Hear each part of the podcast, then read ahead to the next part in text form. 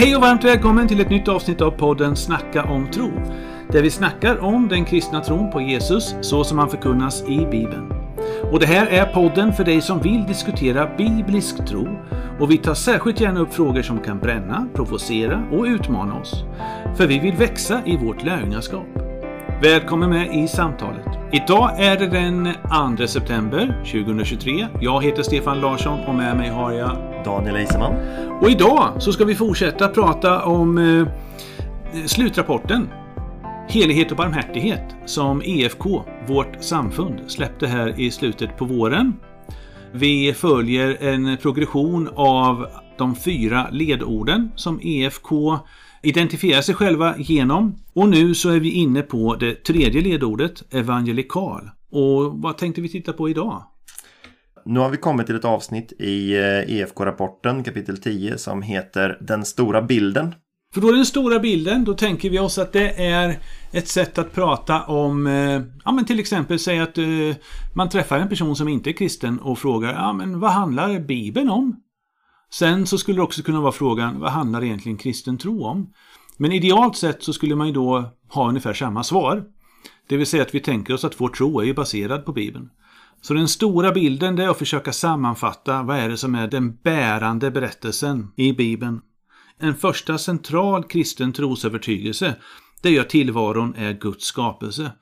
Och det är någonting som är viktigt för oss kristna oavsett vad vi reflekterar över eller diskuterar i vår tro, att Gud har skapat allt. Och den andra saken det är att eh, utifrån den här skapelsetron, eftersom Gud är god, så är också skapelsen god, till och med mycket god. Då vill man ju också koppla det till samkönade relationer och då lägger man till att en aspekt av det här är att människan är relationell och sexuell.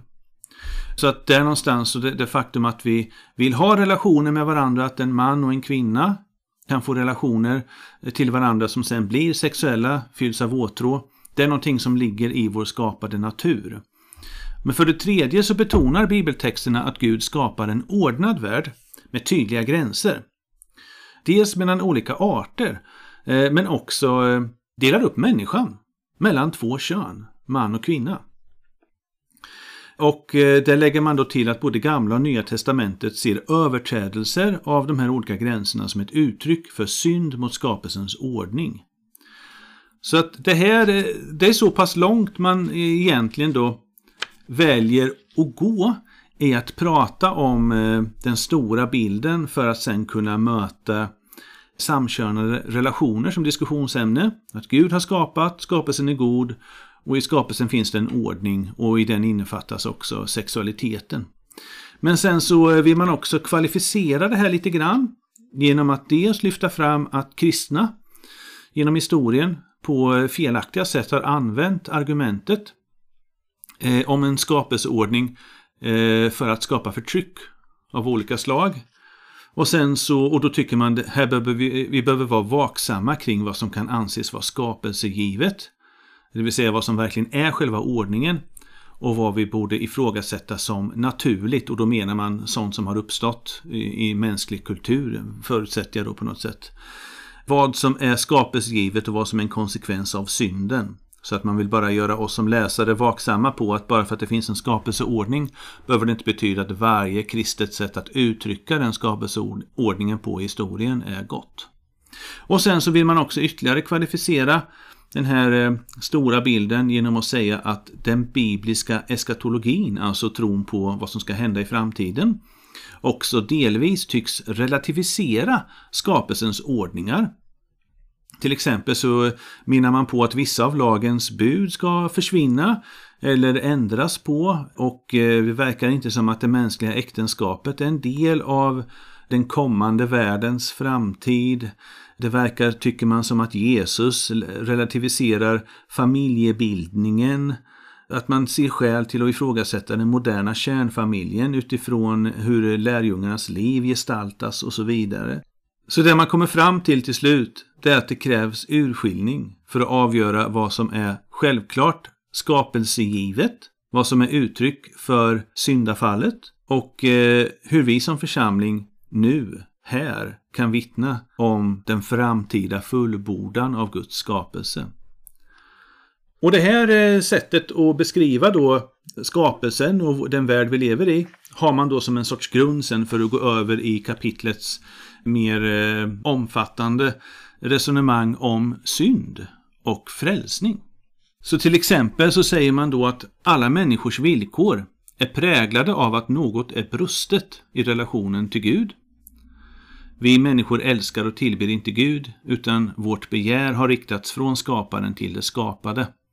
Och då blir ett sätt, det blir ett sätt att prata om att den här goda skapelseordningen har vi liksom tappat kontakten med eller avvikit ifrån. Vi kanske föds med avvikelsen så att säga, det behöver inte bara vara ett moraliskt val men skapelsen är ur led på något sätt. Då. Ja, för på något sätt av den här stora bilden då har vi ju dels lagarna mm. som Gud ger oss eller som han ger Israels folk på den mm. tiden och säger de här ska ni hålla. Och synd går ju då att eh, definiera som brott mot de här lagarna. Ja, för, mot... får, jag, det vill jag bara bemöta då utifrån den här ramberättelsen som jag nyss har nämnt. När man då beskriver att allt är liksom i synd, allt är trasigt, vi har ett syndafall. När Gud då ger lagar så är ju det att säga så att bryta mot lagarna är synd. Det är lite grann att vända på förloppet att vi syndar redan. Så lagarna vill lära oss hur vi ska göra rätt. Och det är klart att när man då bryter mot lagen så syndar man, men det är liksom utgångsläget. Jag tycker det är en intressant nyansering som jag bara kände jag vill lägga till där. Att när Gud ger då lagar till Israel så är det ett av många försök att korrigera, hjälpa människorna. Det betyder egentligen vägledning eller undervisning då det här ordet som vi översätter som lag. Mm. Att eh, ibland så lägger vi fokus på lagarna som att oh, man får inte bryta dem. Ja, alltså, det är ett sätt att se på det men utan lagarna så lever ju alla människor ständigt i brott. Det är vårt, eh, vår, vårt grundläge så att säga. Mm, mm. Men jag reagerar lite på det som rapporten skriver om eh, hur de beskriver synd i det här kapitlet. Mm. De nämner ganska många definitioner på sidan eh, 155 här. Till exempel så skriver de att, jag numrerar de här. 1. En makt som håller människor i fångenskap. Mm. Två, en skada och ett sår som hotar att döda människan. Mm. Tre, ett uttryck för vilsenhet kring vad som är rätt och fel. Mm. Fyra, den orenhet som gränsöverskridande innebär. Mm. Fem, skam. Sex, skuld. Och så skriver man vidare Synd är alltså ett mångfacetterat begrepp som kommer till uttryck på en rad olika sätt som blir destruktiva i relation till Gud, till varandra och till skapelsen. Mm. Samtidigt betonar både evangelierna och Paulus att enskilda handlingar har sin rot i människans inre karaktär. Mm. Hur reagerar du när du läser den här? Jag tycker det här, det här känns lite komplicerat. Är synd så här mångfacetterat? Hela språkdräkten här, alla de saker du nämner, de sex grejer du tar upp, plus hur saker och ting formuleras. Det är ju ett sätt, eh, man, man vill skapa en sympatisk eh, känsla inför syndaren. Mm. Det är en makt. Jag är maktlös inför min synd. Så kan ju många människor uppleva det. Mm. Och det kan man ju också ta som ett svepskäl för att inte engagera sig i att göra något åt sin synd, den fångenskap eller den skada. Jag är skadad eller sårad, ja, men det måste läka innan jag blir hel. Liksom. Det är en orenhet. Det är klart, det kan man ju rena sig ifrån och det är väl det som vi är svårast för idag att tänka i de termerna för vi inte riktigt har kvar det bibliska konceptet av orenhet. Men sen det här med skam, skuld och rädsla då blir det återigen ett sätt att försöka beskriva syndaren som ett eh, sympatiskt subjekt, så att säga. Det är en människa som alla andra. Och det är ju helt korrekt. Men när man beskriver på det här sättet så eh, tar man ju inte själva synden på allvar. Det är det som saknas mm, i hela mm. förståelsen. Att synd är någonting fruktansvärt som skadar både syndaren och alla människor och skapelsen runt omkring. För när jag läser det här utläggningen om synd och syndafall då får jag känslan att de först väljer att helt enkelt bara konstatera att människan syndar. Så det är ingenting som direkt är värt att göra någonting åt. Mm. Och att jag syndar är en konsekvens av syndafallet. Någon slags naturlig brustenhet. Och att försöka hålla sig borta från synd är ändå inget som leder till något positivt innan Kristus kommer och upprättar allt. Nej. Kan de i rapporten verkligen mena så? Det skulle ju betyda att jag lika gärna kan stjäla pengar från mina vänner om tillfället dyker upp, för det är ju bara min brustna natur. Ja. Det jag menar när Jesus blir frestad i öknen till exempel. Han frestas i det att använda sina gudomliga krafter Ja. till att skapa bröd av stenarna så att han kan äta. Mm. Och han blir ju frestad i sin svaghet av 40 dagars fasta. Mm. Så det han visar med hela det här, det är att i varje situation som vi hamnar i, Mm. där vi faller i synd, kan vi undvika att falla i synd. Mm.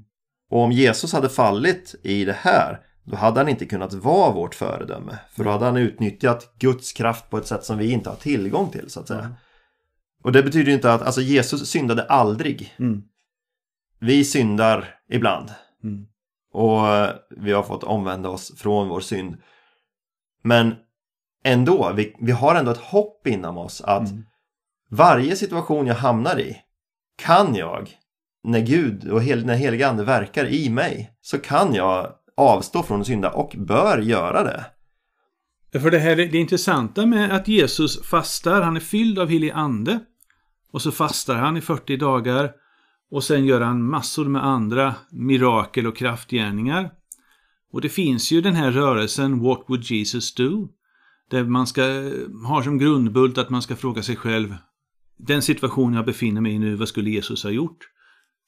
Och det är klart att jag vet inte hur pass mycket den rörelsen då eh, diskuterar svar som eh, ett mirakel, till exempel. Men det, det, det som jag tycker ibland saknas när vi pratar om vad som händer när vi får helig ande, det är ju att då händer det som Jesus gjorde. Att Jesus lever ju sitt liv i helig andes kraft. Och det första han gör med helig andes kraft, det är att motstå djävulen Mm. när han fastar.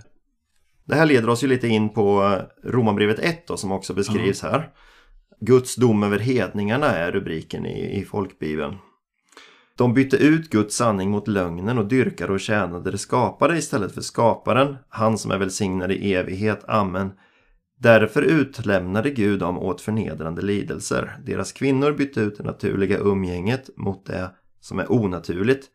På samma sätt lämnade männen det naturliga umgänget med kvinnan och upptändes av begär till varandra. Män gjorde skamliga saker med män och fick själva ta det rättvisa straffet för sin villfarelse. Och eftersom de inte satte värde på kunskapen om Gud utlämnade Gud dem åt ett ovärdigt sinnelag så att de gjorde sådant som inte får göras. Rapporten gör ju en stor poäng här av att Gud utlämnar människor åt förnedrande lidelser på grund av, som jag förstår det, människans fallna natur. Och rapporten säger på sidan 156 igen att när Paulus talar om samkönade relationer ser han det som ett uttryck för ett felvänt begär efter det skapade och inte efter Gud. Så om jag har ett begär till till exempel nätpornografi eller till att göra ett försäkringsbedrägeri eller någonting Mm. eller om någon annan synd tar över handen Mm. är det då okej att jag gör den synden bara för att jag efter syndafallet har en fallen natur? Mm. Är, Så- min, är min handling att betrakta som en konsekvens snarare än en synd? Jag tycker att eh, rapportförfattarna ändå lyfter fram eh, synden som en, en verklighet och som någonting allvarligt.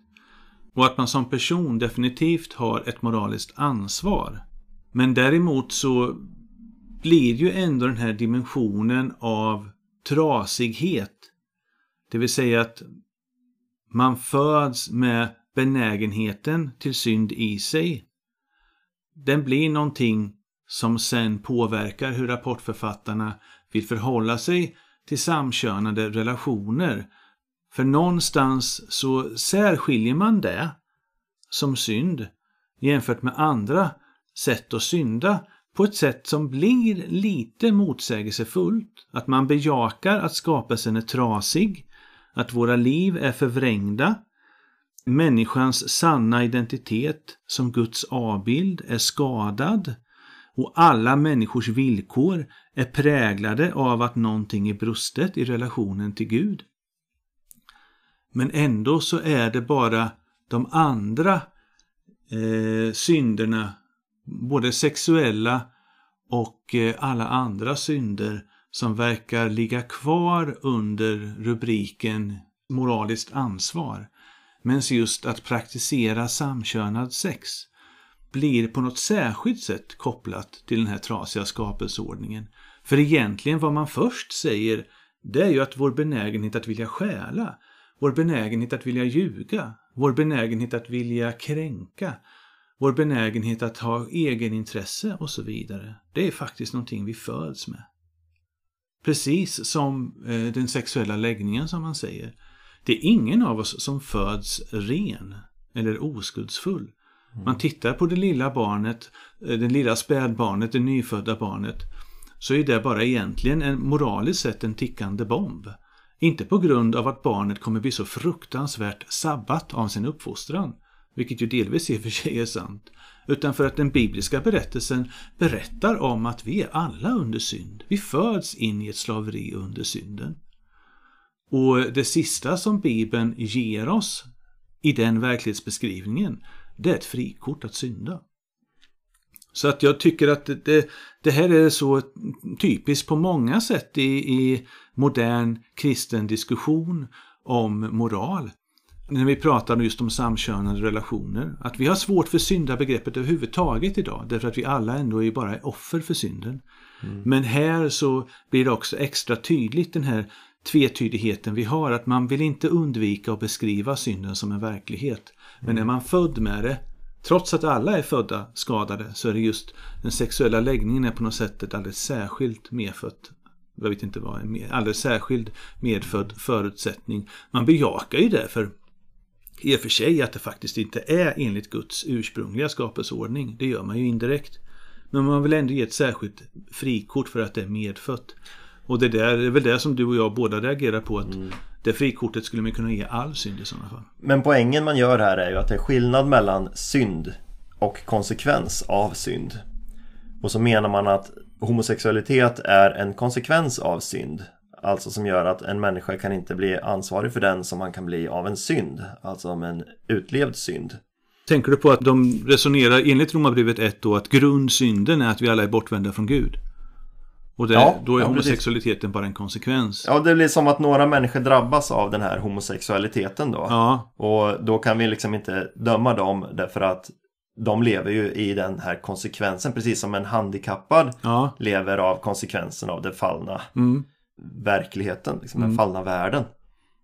På ett sätt är ju det helt korrekt därför att en person som inte tror på Gud den personens allra största, första och enda egentliga problem just där och då är att han inte tror på Gud. Mm. Så en omvändelse är grundläggande innan allt annat.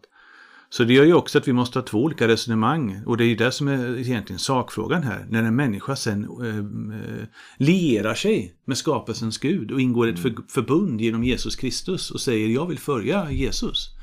Då har man ju omvänt sig. Mm. Och då blir det plötsligt relevant att titta på alla de här konsekvenserna som vi säger då.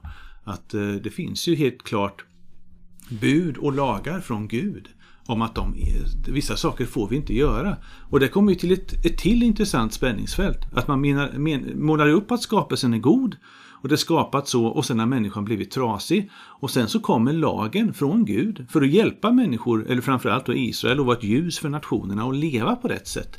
Men sen spenderar man resten av, kan man säga, det här kapitlet om den stora bilden med att inte ifrågasätta synderna som vi då lever i för att vi är trasiga och hur då Guds lag kan hjälpa oss att förstå vad som är rätt och fel. Utan sen går man över i ett helt nytt stycke som bara handlar om att ifrågasätta lagen istället för att ifrågasätta synden. Mm. Det här är också symptomatiskt att eh, när man då tycker synd om syndaren så att säga, då blir ju lagen elak. Mm. Men från Guds perspektiv så är ju hela världen så ond så att han en gång redan har eh, tekniskt sett avrättat hela mänskligheten förutom Noah och hans familj. För att människorna var så korrumperade och onda och våldsamma så att det gick inte längre att ha dem kvar i skapelsen. Och sen, för att inte göra det en andra gång, så skapar han ett folk som ska vara ett ljus och som får Guds instruktioner och undervisning för ett rättfärdigt liv. Och då istället för att ta den hjälpen och sen även med helig ande få hjälp att vara det här ljuset och omsätta de här lagarna så att säga.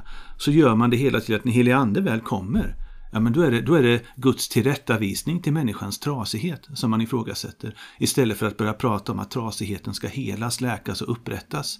Och att vi ska kunna börja leva våra liv så som Gud har tänkt att vi ska leva.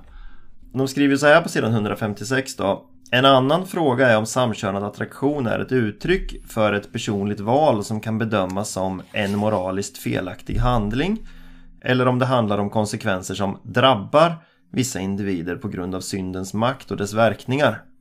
Denna distinktion har nära relation till dagens diskussioner om sexuell läggning är ett val eller arv. Det slår vi huvudet på spiken i det här. Vad då någonting man har valt eller inte?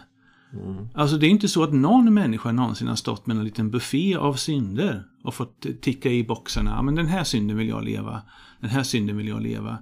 Det är inte så vi funkar utan vi är ju, vi är ju krökta. Eh, vi, vi är trasiga i, i, i hela vår kognition, vår förståelse av verkligheten.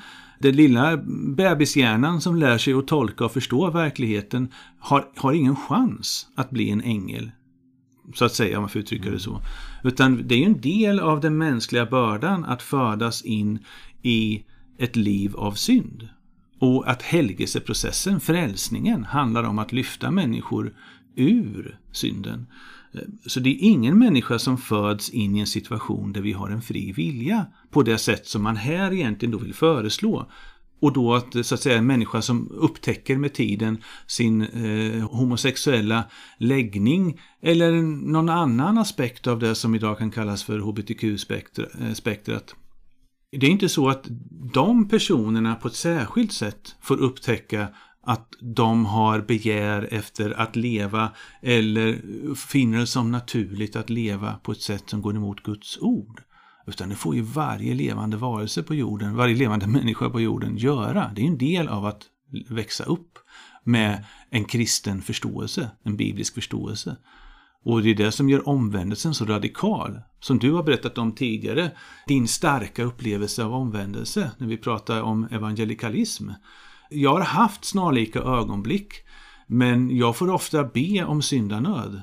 För någonstans inser jag att jag förstår inte min egen synd djupt nog att det här är någonting som vi som kristna har tappat bort den här den saliga syndanöden. Att det är ju insikten av att vi syndar som gör att vi drivs till Gud. Och det är ingen människa befriad från. Det, jag menar, det är en aspekt, nu är det många som sitter och tycker att det låter fruktansvärt. Men den här aspekten är ju så oerhört viktig. Det är Jesu första ord till Israel när han kommer, eh, när han väl börjar predika, omvänd er. Så att eh, det här att säga att vissa former av synd skulle vara så genetiskt strukturella, så DNA-förankrat så att ingen människa kan rå för att man har en viss läggning eller vill leva på ett visst sätt. Då har man, tycker jag, då har man helt missförstått den bibliska beskrivningen av vad det är att vara människa överhuvudtaget. För så, det lider vi alla av. Mm. Men det har slagit mig lite efter det här eh, berättelseavsnittet som vi hade. När vi resonerar lite över eh, det gemensamma i alla människors vittnesbörd som har lämnat den homosexuella livsstilen. Det verkar vara som en gemensam grej alla har. Och det här har vi nämnt förut. Jag bara tycker det blir väldigt intressant nu i ljuset av Romarbrevet 1. Och jag har inte tänkt på det riktigt förut. Men när det står som att människan överlämnas till syndens konsekvenser. Mm. Så beror ju det på att vi syndar. Som gör att Gud helt enkelt drar undan sitt beskydd. Mm. Om vi inte vill ha Guds beskydd så tvingar han oss inte. Nej. Vi kan bara sluta göra hans vilja. Men konsekvensen blir att han drar undan sitt beskydd. Ja. Och då lever vi med syndens konsekvenser. Mm. Och jag tycker det är väldigt intressant där de här före detta homosexuella berättar att Gud visade mig många felaktigheter i mitt liv och då mm. syftar jag inte på den utlevda homosexualiteten utan penningbegär liksom. och jag hade flera saker i mitt liv och när, när Gud lät mig jobba med de här grejerna och visade mig det och jag fick bukt med det här och jag började leva rättfärdigt så släppte det homosexuella begäret. Och då förstår jag den här texten på ett helt annat sätt än vad jag har förstått den tidigare. Homosexualiteten är alltså kanske precis så som Paulus beskriver den här. Mm. Den är en konsekvens av synden. Mm. Och vill lägga till, jag har ju också lyssnat på, eh, senast här eh, häromdagen så lyssnade jag på en podcast som leds av, eh, brukar vara tre eller fyra personer som allihopa är homosexuella, kristna, som lever i celibat. Och de berättar själva att de har inte upplevt att de har blivit av med sin läggning. Och de har många vänner omkring sig som heller inte har blivit det men som lever som kristna och i, i, i celibat. Men vad de däremot betonar det är att deras längtan att omsätta läggningen i sexuella handlingar den har försvunnit.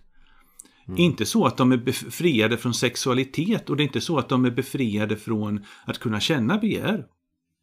Men de har helt enkelt drabbats av den starka känslan att Nej, men det här och det här och det här gör jag inte. Mm. Det betyder inte att man helt, och det, det är det egentligen som är Heliandes kompass, att vi är ju fortfarande, som Paulus säger i Romarbrevet 7, vi lever ju fortfarande i denna dödens kropp. Vi är oss, vem är det som ska rädda oss liksom? Men tack vare Jesus Kristus så har vi anden mm. och kan föra kampen så att säga. Du och jag pratade om gudsfruktan häromdagen. Mm. Och det är ett ord som bara är negativt för oss idag. Men som i, i, sin bibliska betydelse ett väldigt rikt och viktigt centralt ord. All visdom börjar med Guds fruktan. Liksom. Mm, mm. Och det här att frukta Gud handlar ju lika mycket som vi ibland läser in rädsla så handlar det ju om att vilja ära Gud.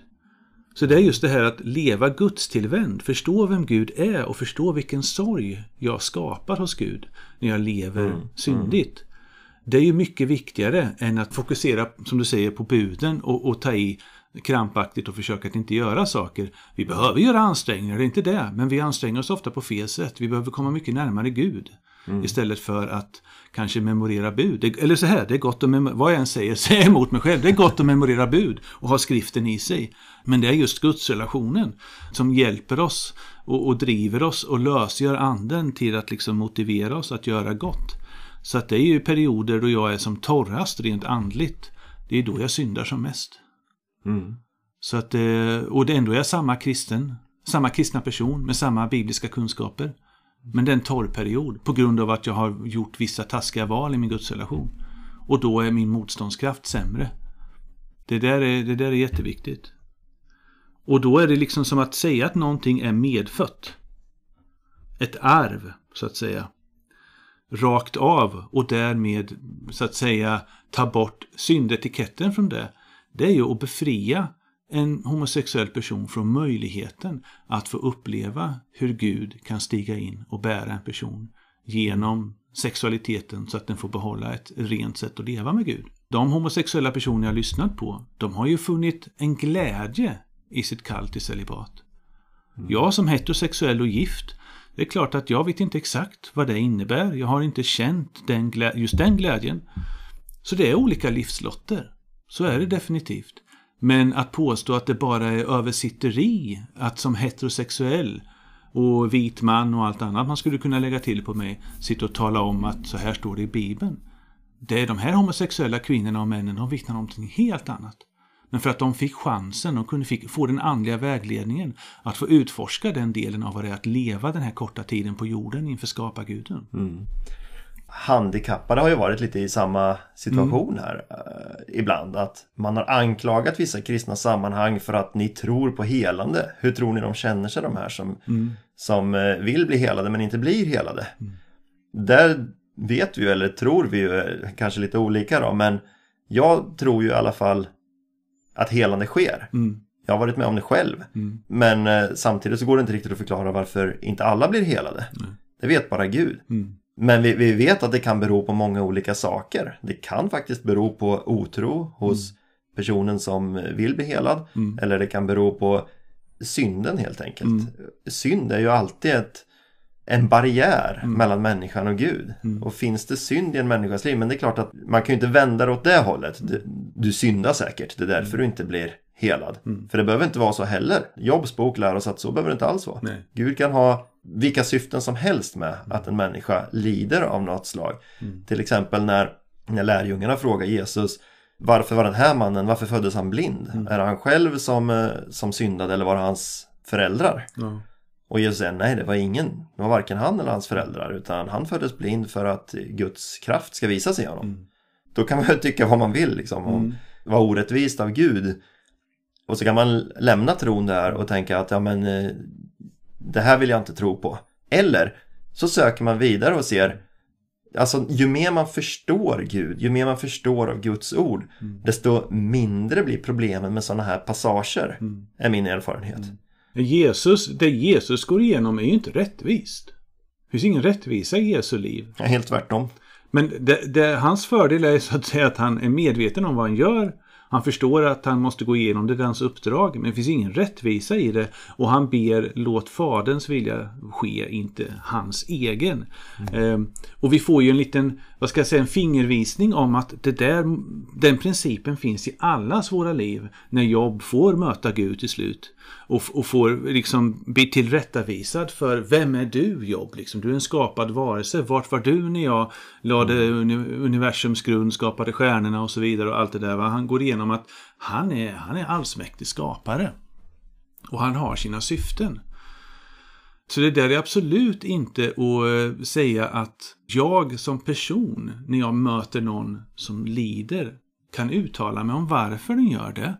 Och det är lätt för mig när jag inte lider att säga att Gud har ett skäl med ditt lidande till den som är dödligt sjuk eller bara lider fruktansvärt eller vad det nu är som har hänt eller som förföljs, som svälter, som torteras, allt det här som sker på vår jord. Jag vet inte själv vad som ligger framför mig och vad jag kommer drabbas av. Men den dagen jag väl drabbas av någonting, när mitt liv går sönder eller när eh, jag utsätts för umbäranden som jag inte upplever att jag kan bära, så hoppas jag att jag inte är omgiven av kristna som, precis som Jobs fru säger, förbanna Gud och dö. Utan att jag har människor omkring mig som ger mig hopp om att Gud har allting i sina händer och att det som drabbar mig, tråkigt nog för mig, tyvärr, men ändå på något sätt handlar om att förhärliga Guds namn i världen. Han jobbar med någonting och mitt liv är ett av hans redskap. Och just där och då så kan skälet vara att jag ska be och bli helad. Eller vad det nu är för någonting det handlar om. Och det ska få bli ett vittnesbörd. Det kan också vara att jag ska få gå i graven med min tro intakt och det får bli ett vittnesbörd. Det finns mm. också tusen andra skäl till varför jag lider som jag aldrig kommer få se förrän den dag Gud uppenbarar det för mig. Så det här med, med, med att liksom se kampen i livet, de umbäranden vi går igenom. Det är en del av en kristens resa. Och det är det som gör det lite problematiskt i, i resonemanget här i den stora bilden att tydligen så vill man dra i riktningen åt att vissa former av umbäranden ska få frikort från synddefinitionen trots att Bibeln är tydliga med att det här och det här är synd.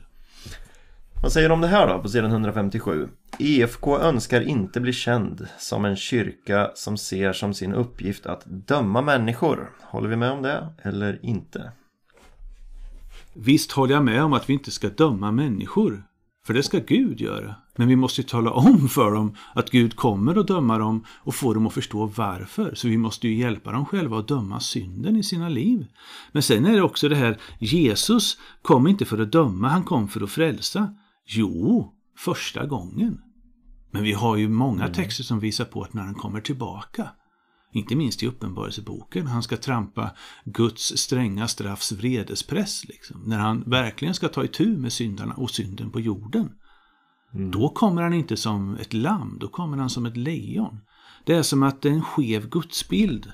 Man, man har liksom inte koll på hela Bibeln när man presenterar Jesus på det här sättet. Man har inte en känsla för de olika momenten i Guds frälsningsplan. Mm. Och att den slutar med domedagen. Domedagen är inte förbi. När Paulus säger i Romarbrevet 1 så finns nu inte längre någon dom för dem som är Jesus Kristus. Då syftar han ju på att de som vandrar i anden och lever troget Gud i den nya identitet de har fått när de har döpts in i Jesus, de kommer att väckas upp till liv eller förvandlas själva när Jesus kommer tillbaka. Och för de människorna finns inte längre någon domedag. Men för resten av mänskligheten finns den fortfarande i allra högsta grad. Mm. Så om vi sitter här och säger att men det här och det här är inte synd, fast Guds ord är tydligt med det. Då skickar vi dem rakt in i domen. Så att vi, vi missförstår varför Jesus kom och mm. varför han kommer tillbaka. Och äm, jag håller väl egentligen med det här uttrycket. Jag önskar ju förstås inte heller att EFK ska bli känd som en kyrka som ser som sin uppgift att döma människor. Men man inser ju att om vi skulle hålla fast vid den klassiska synen på samkönade relationer så skulle det ju kunna bli så att det sprids ett rykte om EFK eh, e att eh, ett falskt rykte om att EFK blir en kyrka som ser som sin uppgift att döma människor. Mm. Alltså, det är väl en hel del det här hela Kristi liv går ut på att visa oss. Att vi kommer behöva lida förtal och att människor kastar skit på oss och tycker illa om oss för att vi står upp för Guds ord och för någonting som är sant. Men vad ska vi göra då, säger Jesus? Glädjer. När, när, när människor talar illa och ljuger om er för mitt namns skull, ja men glädjer då. Mm. För, för ni, det så gjorde man med profeterna före er. Jag minns inte den exakta ordalydelsen, men det vi ska fyllas av glädje. För då inser vi att när folk drar oss i smutsen för Jesus skull, ja men då, då, har vi, då, fyller, då är vi med på rätt tåg så att säga. Då är vi i rätt kropp. Då är vi i rätt församling. Och så ska vi med kärlek och med våra liv överbevisa de som sprider det här ryktet att det inte är sant. Mm. Utan att vi är bara mån om människors evighet. Mm. Men, men jag tycker att det är väl, vi har pratat lite nu om den stora bilden. Mm. Och eh, vi knyter ihop säcken där. Ja. Vad vill vi konstatera då? Det finns en skapelseordning. Gud har skapat, han är god, ordningen är god, men människan har blivit trasig.